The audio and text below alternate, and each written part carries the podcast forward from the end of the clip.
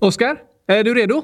För vadå? Vi ska spela in podden nu. Är det redan måndag? Det känns som det var söndag igår! Det var söndag igår. Sant. Så idag är det måndag och podddags. Woho! Bästa dagen på veckan hittills!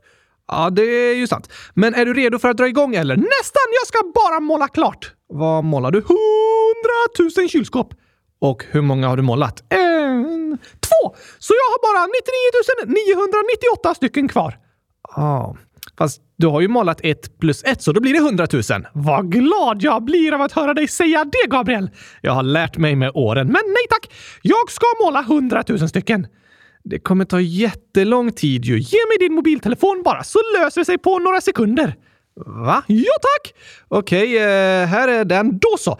Då målar vi ett kylskåp här. Sen tar vi ett kort på det och trycker på eh, skriv ut. Hur många?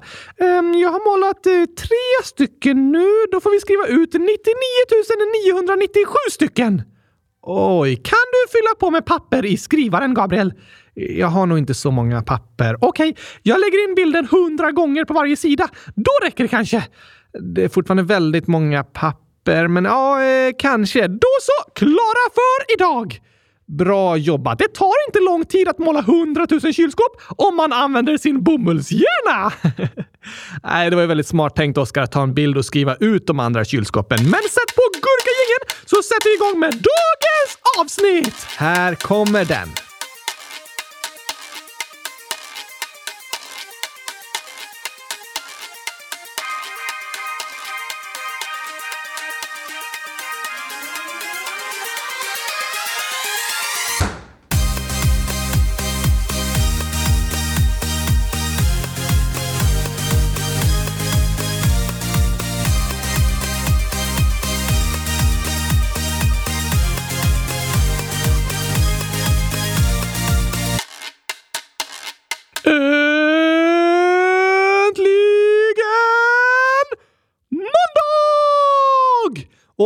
Äntligen avsnitt 100 252 av Kylskåpsradion. Och vissa säger äntligen spottlov! Nej, nej, nej, nej. Jo, vissa har spottlov den här veckan och andra förra veckan och vissa nästa vecka.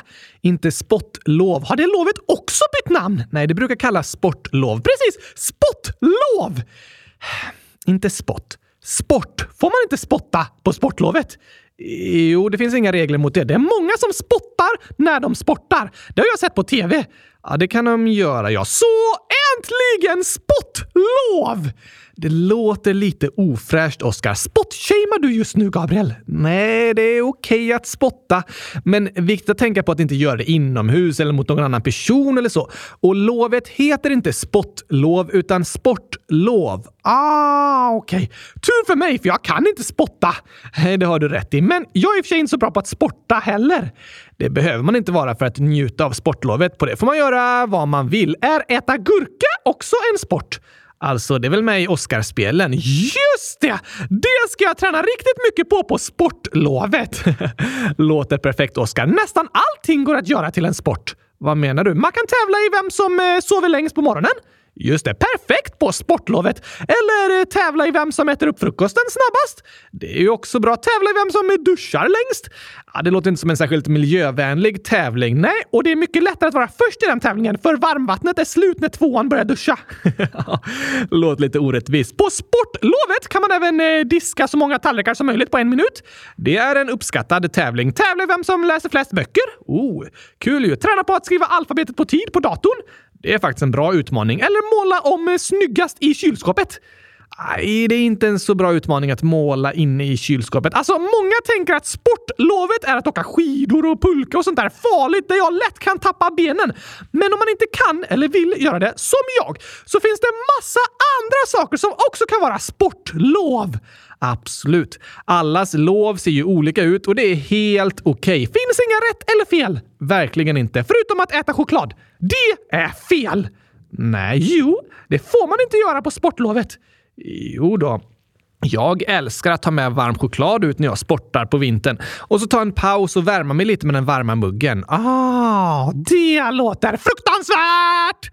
Vi gillar olika Oscar. Sant! Men i alla fall hoppas jag att ni alla lyssnare har haft eller kommer få en väldigt fin ledig vecka. Spotta mycket! Sporta, ja det var det jag menade.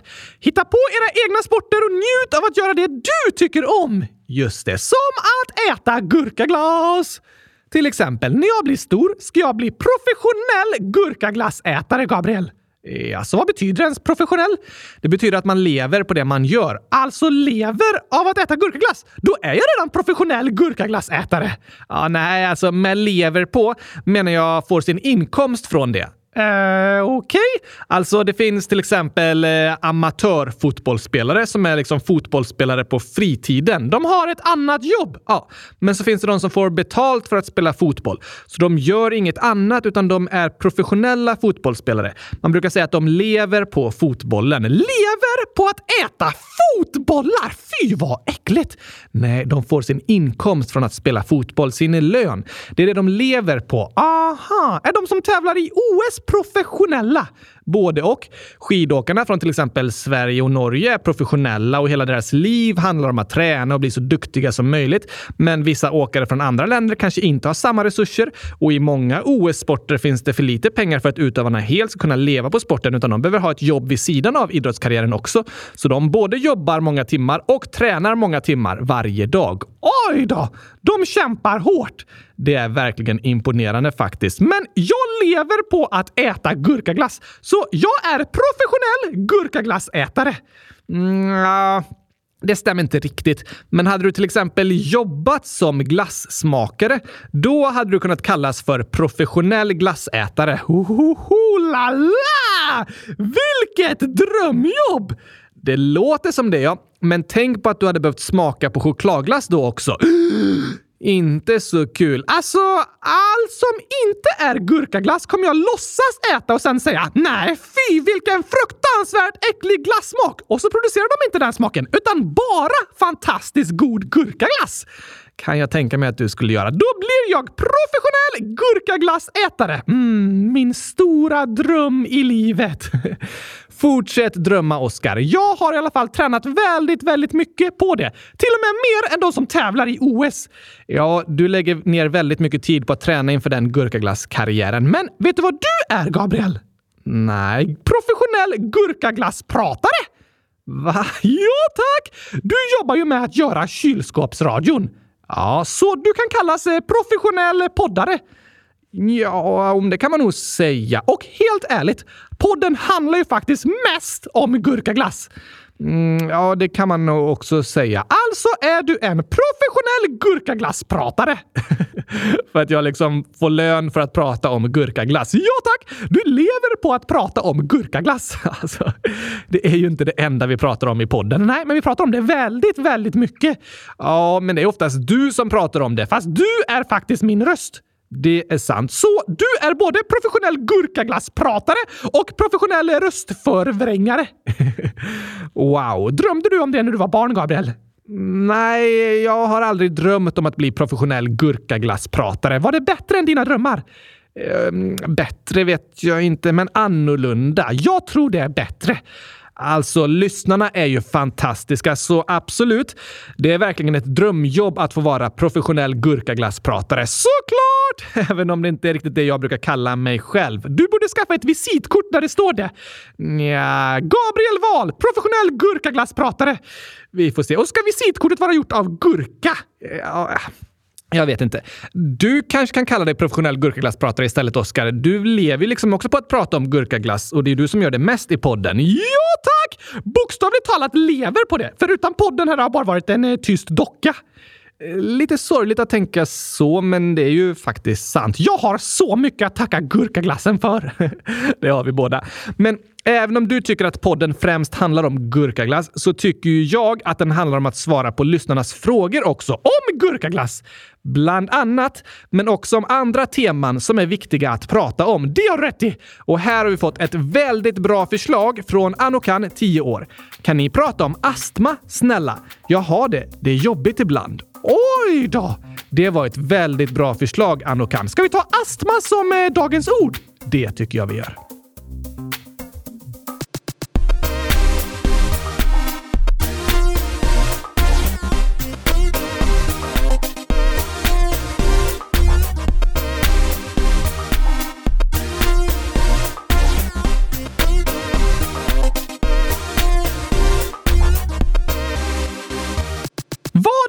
Astma för något, Gabriel? Det är en sjukdom som kan ge hosta och andningssvårigheter. Svårt för att andas? Ja, så jag har astma? Va? Ja tack, jag kan inte andas. Ah, nej, du är en docka. Precis, och alla dockor har kraftig astma. Nej, du har inga lungor eller luftrör eller någonting. En person som har astma kan andas, men det kan vara lite svårare, ibland i alla fall. Astma är nämligen en kronisk inflammation i luftvägarna. Eh, what? Och eh, what? Och eh, what? var det många krångliga ord där. Jo tack! En kronisk sjukdom är en sjukdom som man har under lång tid. Typ som att jag är allergisk mot choklad. Du är inte allergisk mot choklad, men ja, en allergi är en slags kronisk sjukdom. Och även sjukdomar som diabetes och astma och till exempel skador på hjärnan eller problem med lederna är kroniska. Går de inte över? Nej, en kronisk sjukdom försvinner liksom inte på några veckor. Men ofta finns det mediciner och behandlingar som kan dämpa sjukdomen och göra så att den som har den kan leva ett friskt liv ändå. Aha! Även om sjukdomen inte försvinner helt. Vad bra! Ja. Idag finns det många behandlingar och hjälp även för kroniska sjukdomar. Och astma är en inflammation i luftvägarna. En inflammation är något kroppen eh, mår dåligt av. Ja, precis. Det beror liksom på att kroppen blivit skadad eller sjuk. Och luftvägarna är de vägar där luften tar sig in i kroppen till lungorna. Ah, ungefär som att jag ska åka hemifrån in till stan. Då tar jag Gurkavägen. Heter vägen Gurkavägen? Nej, men jag kallar den för det. Varför det? För den ser ut som en gurka. Lång och smal. Då ser väl alla vägar ut som en gurka? Ja tack! Så jag kallar alla vägar för Gurkavägen. Smart. Och hemifrån in till stan så åker vi på Gurkavägen. Precis. På samma sätt åker luften från munnen eller näsan genom luftvägarna ner till lungorna. Exakt. Det är vägen luften tar från munnen eller näsan till lungorna. Och luftvägarna är väldigt viktiga. I dem filtreras luften i näsan och så värms luften upp så att den inte är för kall när den når lungorna. Aha! Näsan har flera inbyggda funktioner som liksom renar luften. Därför är det väldigt bra att andas genom den. Hashtag klurifaxigt! Näsan är otroligt klurifaxig. Hela kroppen är fantastisk! Jag håller med. Och lungorna tar ju upp syre från luften när vi andas in, som sedan skickas ut i blodet och så andas vi ut koldioxid. Åker det också genom luftvägarna? Ja, vi andas in och ut genom luftvägarna. Hoppas det inte blir en krock på vägen. Nej, det går ju inte att andas in och ut samtidigt. Nej, det är som en järnväg med bara ett spår där tåget åker antingen fram eller tillbaka. Så skulle vi kunna säga. Luftvägen är inte som en väg med två filer där bilarna åker åt olika håll samtidigt, utan luften går liksom antingen in eller ut. Så astma är en inflammation i luftvägarna? Ja, en sjukdom som gör att luftvägarna inte är helt glada. Gör det ont? Det kan göra ont när en person med astma andas, ibland i alla fall. Och särskilt så brukar astman märkas av när personen anstränger sig mycket. Ah, för när människor anstränger sig behöver musklerna mycket syre och därför måste man andas mer. Precis. Vi andas snabbare och hjärtat slår snabbare när vi till exempel börjar springa. Och Då kan det bli jobbigt för personer med astma, för sjukdomen i luftvägarna gör det svårare för dem att få in tillräckligt med luft. Oj då! Så vanliga symptom på astma är att börja andas tungt eller bli väldigt trött när man anstränger sig. Det är också vanligt att börja hosta mycket vid ansträngning och ha extra långvarig hosta när man är förkyld. För att luftvägarna redan är inflammerade, så då kan förkylningen bli extra jobbig. Precis. Astma kan även göra att det piper och väser när man andas och vissa kan ibland drabbas av andnöd. En and i nöd? Nej, andning i nöd. Ah! Då får personen med astma snabbt väldigt svårt att andas. Det är ungefär som om jag skulle hålla för näsan och sen försöka andas genom ett sugrör. Oj då! Det låter lite läskigt. Ja, det är lätt att få panik om man får andnöd. Det kan vara läskigt, men då är det viktigt att personer runt om en hjälper en att lugna ner sig så att paniken försvinner och man kan börja andas lugnt och ordentligt och lungorna får tillräckligt med luft igen. Räcker det att bara ta det lugnt? Alltså, om en kompis skulle få andnöd är det viktigt att ta det på allvar och reagera snabbt. Om det händer till exempel i skolan är det superviktigt att ni direkt springer och ber om hjälp och berättar för vuxna så att de antingen kan hjälpa till med att hämta medicin eller höra av sig till sjukvården. Men det jag menar är att personen som har andnöd inte själv ska börja springa runt, utan den personen behöver ta det lugnt och behöver få stöd och hjälp att lugna ner sig och börja andas ordentligt igen, medan någon av kompisarna springer och ber om hjälp. Just det! Så om ni är tre kompisar och en får andnöd eller börjar må dåligt på något annat sätt kan en av er springa och be om hjälp från en vuxen medan den andra stannar kvar och stöttar den som mår dåligt. Det är en bra plan, ja. Att en ber om hjälp och en stannar med den som mår dåligt. Finns det olika sorters astma? Ja, det gör det.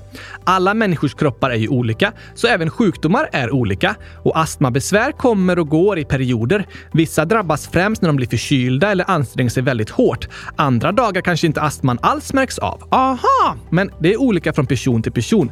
Främst finns det två olika sorters astma. Allergisk astma och icke-allergisk astma. Om man har allergisk astma så får man problem med att andas om man utsätts för det man är allergisk mot. Precis. Vadå till exempel?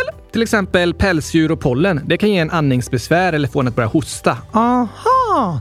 Allergisk astma är vanligast bland barn och andningssvårigheter kommer inte bara på grund av allergi utan också på grund av förkylningar och fysisk ansträngning. Men de som har icke-allergisk astma är inte allergiska mot något? Nej, som det hörs på namnet. Så det finns olika orsaker till andningssvårigheter om man har astma? Ja, men vanligast är förkylning, allergi eller att man anstränger sig hårt. Men även eh, rök, damm och starka dofter kan skapa problem för de som har astma. Hur går det att veta om man har astma?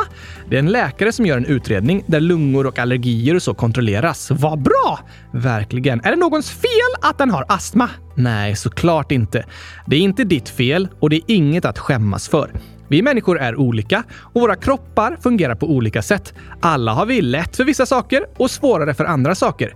Vissa kan ha problem med andningen, andra behöver glasögon för att se bättre, vissa kan ha en mage som krånglar, andra har en tandställning för att tänderna ska sätta sig rakt och så vidare. Alla är vi olika! Precis, men alla är vi ändå bäst i test så som vi är! Just det. Det är lätt att vi fokuserar på det med våra kroppar som vi önskar skulle vara annorlunda eller fungera bättre. Men det finns så mycket med kroppen som fungerar så fantastiskt. Ja, tack! Finns det mediciner mot astma? Absolut. Astma behandlas med olika sorters läkemedel som oftast andas in via en inhalator.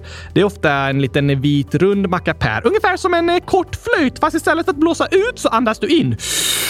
Ja, ungefär. Det är ett sätt att få i sig astmamedicin. Hjälper det en att andas bättre? Ja, genom en inhalator kan flera olika mediciner andas in, så olika personer kan ha olika medicin i inhalatorn. Aha! Och medicinerna kan hjälpa både långsiktigt och kortsiktigt. Bland annat innehåller inhalatorn ofta luftrörsvidgande läkemedel som gör det lättare att andas. Precis. Som lyssnaren Anokan skrev så kan det vara jobbigt med astma. Särskilt jobbigt är det för astmatiker vid förkylning, om de anstränger sig hårt eller utsätts för till exempel pollen, pälsdjur eller mycket damm. Men det finns mediciner och behandlingar som hjälper.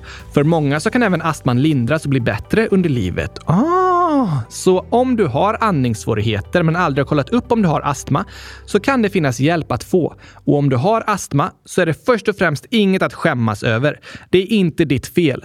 Och även om jag vet att det är jobbigt ibland så kan det bli bättre. Du kan både hitta mediciner som hjälper och lära dig att hantera astman på ett sätt så att den inte påverkar ditt liv så mycket. Och för vissa blir även symptomen lättare när de blir vuxna. Okej! Okay. Jag vet att det är många av er som lyssnar som har astma, så vi vill säga tack till dig Anokan för att du skrev och tog upp det ämnet. Du är inte ensam! Nej, och vi tycker det var ett superviktigt tema att prata om. Hur vanligt är det med astma? Det beräknas att ungefär 8 till 10 procent av befolkningen i Sverige har astma. Alltså ungefär var tionde person. Aha! Men vissa har lindriga besvär. Vad betyder det? Inte så starka besvär. Okej. Okay. Medan andra kan ha stora problem med astman. Det skiljer sig från person till person. Som med det mesta! Precis. Vi alla är olika och vi har olika livssituationer. Vi har lätt för vissa saker och svårare för andra saker. Inget att skämmas för, för alla är vi ändå bäst i test, så som vi är. Visst är det fantastiskt? Jo tack! Och vet du något annat fantastiskt? Gurkaglass. Jag är så glad över att du säger det, Gabriel. Jag lär mig med åren, men det jag tänkte på var faktiskt skämt! Såklart.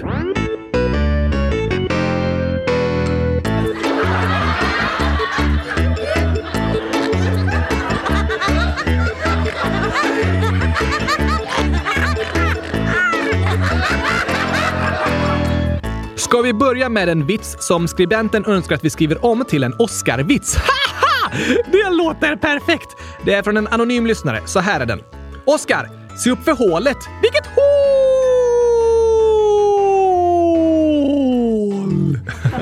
Nej! Jag ramlade ner i hålet som jag skulle se upp för. Precis, men jag fattar inte. Var hålet i luften? Eh, nej, det var väl på marken? Såklart. Varför skulle jag då se upp? Du skulle se upp så att du inte ramlar ner i hålet. Men om hålet är på marken och jag kollar uppåt, då kommer jag ju inte se hålet och därför ramla ner! Ja, du menar så. Det var verkligen ett dåligt tips att säga. Se upp! Gabriel, ville du att jag skulle ramla ner i hålet eller? Såklart inte. Men säg inte se upp då, om jag borde titta neråt. Du menar att jag borde ropa att Oskar, se ner för hålet? Ja tack! Alltså, uttrycket se upp betyder inte riktigt att du ska kolla uppåt, utan att du behöver reagera på något farligt som är på väg att hända liksom. Det låter som att jag borde titta uppåt. Ja, men det betyder mer akta dig, var redo, se upp. Men om jag tittar uppåt ramlar jag ju ner i hålet, för jag ser inte hålet, för det är inte där uppe. Det är där nere!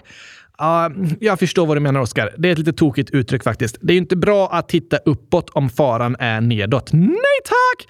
Jag ska tänka på det framöver. Fler skämt! Okej, okay. här kommer en rolig berättelse som är inskickad av eh, namn Kamel, ålder Sand. Låt höra! En man skulle ta sig genom öknen. Han köpte en kamel, men visste inte hur man styrde den, så han fick fråga. Det är enkelt, svarade försäljaren. Du säger stopp när du vill stanna. Vill du öka farten säger du pu. Perfekt, sa mannen och det bar iväg. Efter ett tag märkte han att kamelen sprang rakt mot ett stup. Han försökte minnas vad han skulle säga och precis när kamelen höll på att springa ut för kanten hann mannen skrika stopp! Och kamelen stannade. Puh, sa mannen. Oh no! Aj, aj, aj, aj, aj. Se ner för stupet! Kan vi ropa till honom? Och så svarar han. Vilket stup? Jaha, se ner för det. Tokig berättelse ju. Skönt att den är påhittad. Ja, i roliga historier är det ingen fara att ramla ner i hål eller ut för stup. Nej, det är bara på skoj.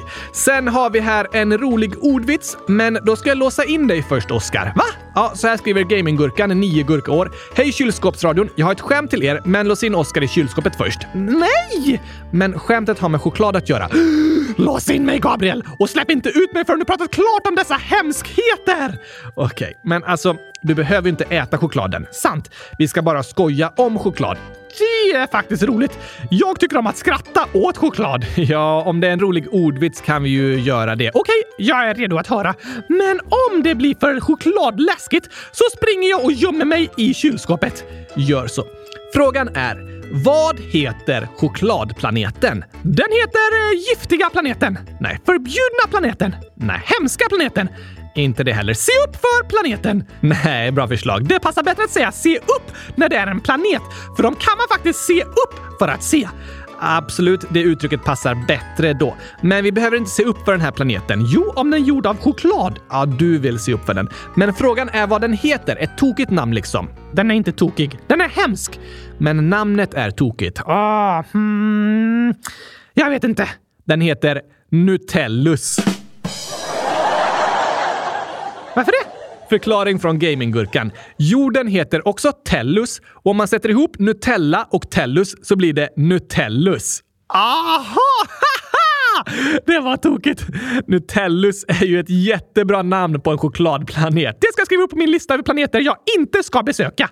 Har du en sån lista? Såklart har inte du det! Nej, jag har inte planerat att besöka någon av planeterna så jag har inte behövt ta ställning till det. Okej, jag har en noggrann planering i alla fall. Vilka planeter ska du inte besöka då? Såklart inte Mars eller Nutellus. Varför inte? För att det är två chokladplaneter! Mars. Ah, chokladen Mars. Precis! En planet gjord av Mars och en planet gjord av Nutella. Vilket fruktansvärt solsystem, Gabriel! det vore tokigt om planeten Mars var gjord av Mars. Då kanske jag skulle vilja åka dit faktiskt. Men okej. Okay. Du vill inte besöka dem? Nej tack! Har du några planeter du vill besöka då? Ja, såklart den skojiga planeten Melkulius! det låter som en rolig plats. En kul plats i alla fall! Yes. Någon mer än Melkulius? Jag vill även åka till Pluto. Aha, det är ju den planet som är längst bort i vårt solsystem, men som inte klassas som en planet längre utan som en dvärgplanet. Just det!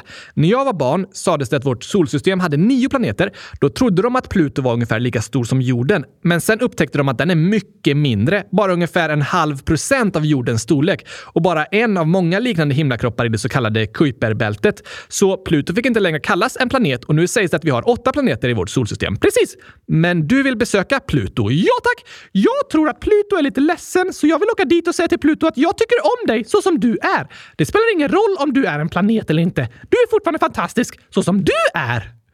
Det var ju fint, Oscar. Det kan Pluto behöva höra. Det var nog tungt att bli utkastad ur planetgänget. Jag tror inte att Pluto själv har uppfattat det, men absolut. Det är ju inte roligt att bli utestängd ur en grupp på det sättet. Pluto har inte gjort något fel! Den planeten har bara varit sig själv! Ja, och det är inget fel med det. Men du vill alltså åka till Pluto och Melkulius, men undviker Mars och Nutellus. Ja, tack! Bra plan. Vet du en annan bra plan? Mm, att spela upp en sång nu? Yes, thanks! Jag håller med. Här kommer skämt jämt! Hoppas ni har tränat magmusklerna för här kommer kylskåpsradions skämtsång! Jag har ett skämt om ett släp fast orkar inte dra det. Jag tar alltid med mig en sax för då blir det success som ett djur som vaknar först. Ja, piggsvinet och hälsar hela tiden som värsta hejarklacken! Får, får, får? Nej, får, får lamm. Det var en gång och den var sandig vad lär sig hajen simma? I high school. Vad kallas det när fiskar slåss? Fiskespö! En dag sa en ko mu. Då svarade en annan ko seriöst, det var precis vad jag skulle säga. Har ni sett de kända tanterna kontanterna? De vinner om och om igen på återvinningen. Stackars bladlösen så små som har stannat i växten och hunden som fick ont när de åt en hotdog. Dags för väckelserörelse. Ja, morgongympa. Att väga fiskar i havet om det kommer en våg. Hänga med trevliga fågeln. Umgåsen när vi drar ut i öknen och drar torra skämt. Gabriel, vet du varför de bygger större fängelsen? Nej, varför gör de det? För att då rymmer det fler. Vilken är den äckligaste fågeln? Snorkråkan. Vilken fisk har två ben? Abborren. Varför går inte vägen? Den vägrar. Vem tycker om el? Gabriel! Nu ska vi testa dina skämtskills lite här då, Oskar. Jag har störst skämtskills i hela världen! Säkert. Vad är det för likhet mellan en fisk och en bergskedja? Båda har fjäll. Varför är matteboken så ledsen? För att den är full med bråk. Varför äter fransmännen sniglar? För att de inte gillar snabbmat. Vilken app tar längst tid att hämta? Sen-appen. Vem har fötterna på jorden men svävar i luften? Jag! Du, ja, en docka som har tappat benen! Varför ser norrmännen aldrig klart på Hulken? De går när det blir grön gubbe. Varför är det lätt att åka skridskor? Det är easy! Hur stoppar man mjölken från att gå ut? Man stänger dörren! Men varför går mjölken ut? För att den blir sur! Imponerande. Ja, tack!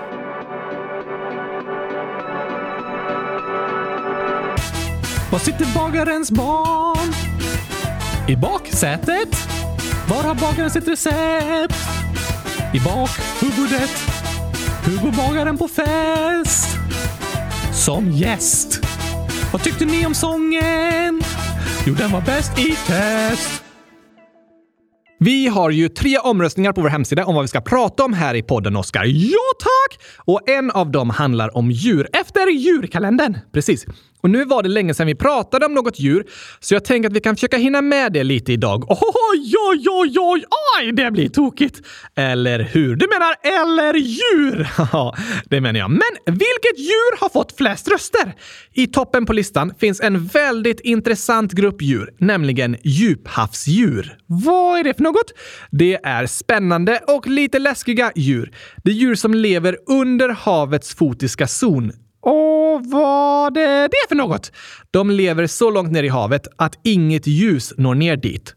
Oj, är det helt mörkt? Ja, så de djuren har fått anpassa sig efter ett liv i mörkret. De kallas ibland för mörkrets härskare. Hur långt ner lever de?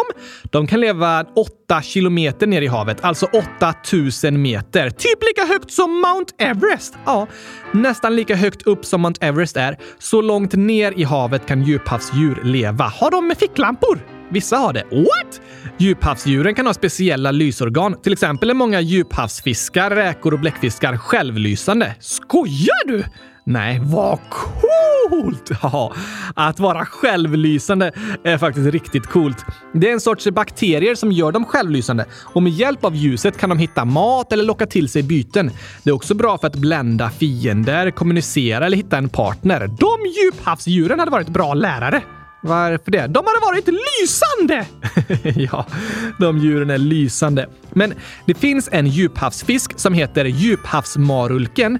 Den har som ett spröt som sticker ut från huvudet. Som en eh, pinne, ungefär. Och längst ut på den pinnen sitter som en liten lampa. Så det ser ut som att den simmar runt och håller fram en lykta. Wow! Det kan vara bra i mörkret. Eller hur? Och den lyktan lockar till sig andra fiskar, för de tror att det är en självlysande räka. Men när fiskarna simmar dit för att äta räkan, då äter djuphavsmarulken upp fiskarna istället. Nej! Så marulken har en lampa framför sitt stora gap för att locka till sig fiskar? Yes, vad klurifaxigt! Det kan man verkligen säga. Hur många djuphavsdjur finns det? Det går inte att veta. Det är faktiskt så att vi har bara utforskat mindre än 5% av havets djup. Wow! Det är den plats på jorden som vi fortfarande vet minst om. Havet har många hemligheter. Precis. Havet är otroligt stort och otroligt djupt och mörkt. Häftigt med djur som har anpassat sig för att leva nere i mörkret. Eller djur. Kan en djuphavsfisk klara sig om den lever nära ytan? Nej, där överlever den inte särskilt länge. Den är anpassad för att vara nere i mörkret. Kanske tusentals meter ner. Hur ser de ut? Många har enorma munnar och töjbara magar. Vissa har som sagt lampor eller är självlysande, men andra är blinda och lever helt på andra sinnen. Aha! Men även om vissa har lyktor och en syn så är det väldigt mörkt nere på den djupa havens botten, så de har stora och extra ljuskänsliga ögon. Hundra gånger känsligare än människors ögon. Va? Då hade de nog fått väldigt ont av att se solen. Ja, deras syn är anpassad för att leva nere i mörkret, inte uppe i dagsljus. Är det bara vissa hav som har djuphavsdjur? Nej, de finns i alla hav. Aha! Djuphavsmarulken som jag pratade om tidigare, med lampan som lockar byten in i dess mun. Precis. Den förekommer i alla världshav som är djupare än 300 meter och vissa av dem lever på djup över 4000 meter. Oj! Den ser ut som ett läskigt havsmonster och på engelska kallas den till och med Black Sea Devil. Skräckinjagande namn också! Ja, faktiskt. Men när vi nu pratar om djuphavsfiskar passar det att även nämna en av dessa som eh, också är med i omröstningen och som både Jona, 10 år, och Matilda, 5 år, har föreslagit. Vilken då? Det här är ett djur som blivit framröstat till världens fulaste djur. Nej, vad taskigt! Ja, lite taskigt faktiskt. Fast det är mest en tokig omröstning liksom. Vilket djur är det? Det kallas för blobfisk. Va? Ni ser hur den ser ut på dagens avsnittsbild. Vad tokig! Ja, visst ser den tokig ut. Men på grund av sitt utseende har blobfisken liksom blivit internetviral. Det har skapats memes och emojis och även leksaker som ser ut som den. Oj, oj, oj! Från havsbotten till att bli internetkändis. Vilken resa! Det får man verkligen säga. Vad heter den på latin? Blobfisken heter egentligen Psycrolutes marcidus. Hur stora blir de? De kan bli upp till 30 cm långa och väga runt 2 kilo. Aha! Ser de så tokiga ut för att skrämma bort andra fiskar? Nej då. På land har blobfisken lite trollliknande utseende faktiskt, men på havsbotten ser de ut som det vi kallar vanliga fiskar. Okej. Okay. De lever utanför Australiens sydöstkust, runt ön som heter Tasmanien, på 600 till 1200 meters djup. Det är långt ner i havet! Verkligen. Och blobfiskens densitet är något lägre än vattens. Vad betyder det? Densitet är hur tätt ett ämne är. Jag fattar ingenting. Ämnen med hög densitet väger mycket. Aha! En metall till exempel har hög densitet. Det är ett tungt ämne. Så en metallbit sjunker genom vattnet för att den är tyngre än vattnet. Okej, okay. men blobfisken är liksom lättare än vatten och kan därför flyta omkring vid havsbotten utan att behöva använda muskelenergi för att simma. Va? Soft, eller hur? Har den inga muskler? Nästan inte, men det gör ingenting för den sväljer andra djur och ämnen som flyter precis framför den, till exempel djuphavskräftdjur. Så blobfisken bara flyter omkring vid havsbotten och om den har tur så flyter lite mat in genom munnen på den. I princip, ja.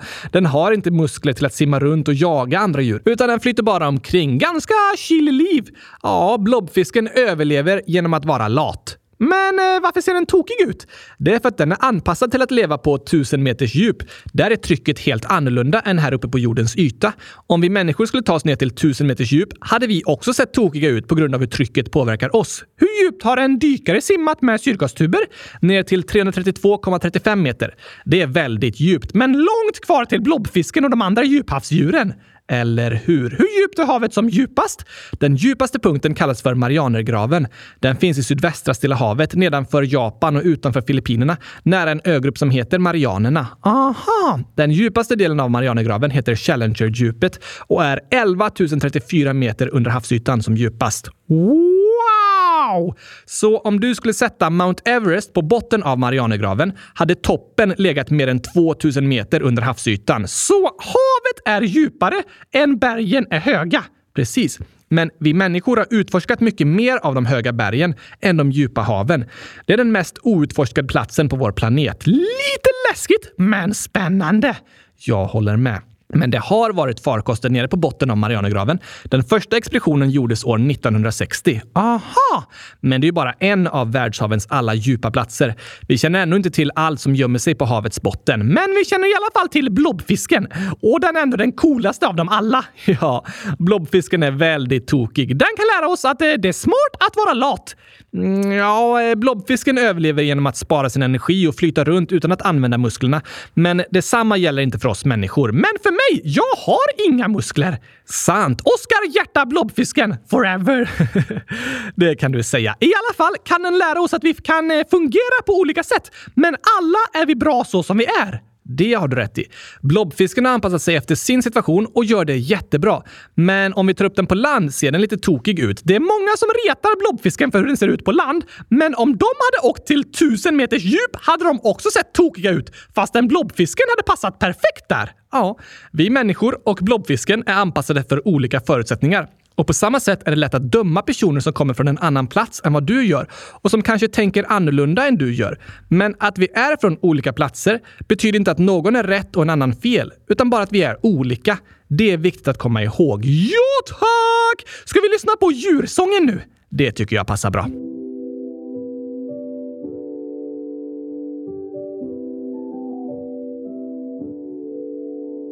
I slutet av ett år som skapat kaos och sår kom 24 dagar där vi följde naturens lagar. Om djur från världens alla länder handlar djurkalendern fylld med fakta och kul.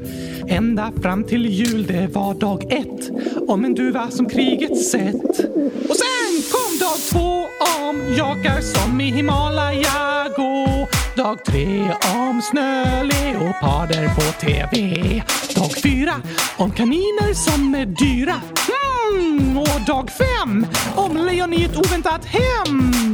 Sen var det dag sex om koalor som väcks. Dag sju om vargar som gillar AU.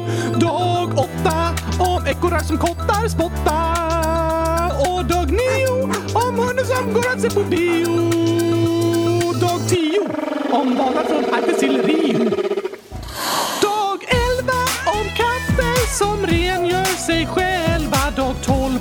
Gurkor sjögurkor på havets gård. Dag 13 om hamstrar där ingen ser dem. Dag 14 om kattbjörnar vi länge haft fel om. Dag 15 om läckfiskarna och dess syskon. Dag 16 om leoparder som inte har bråttom. Dag 17 om läskiga ormar i köksskål. Dag 18 om långsamma snäckors gång.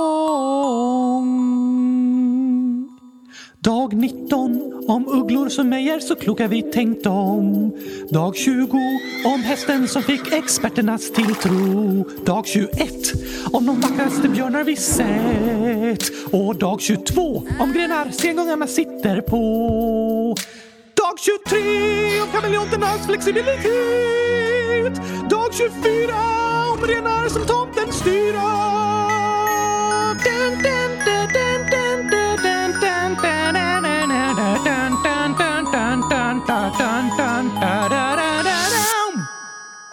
Det finns mycket att lära av djuren i naturen när vi reflekterar och nynnar signatur.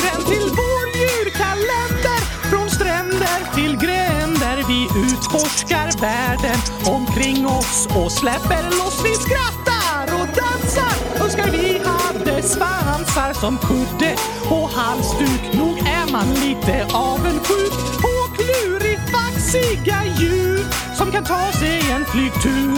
Men vi förundras tillsammans över vår natur.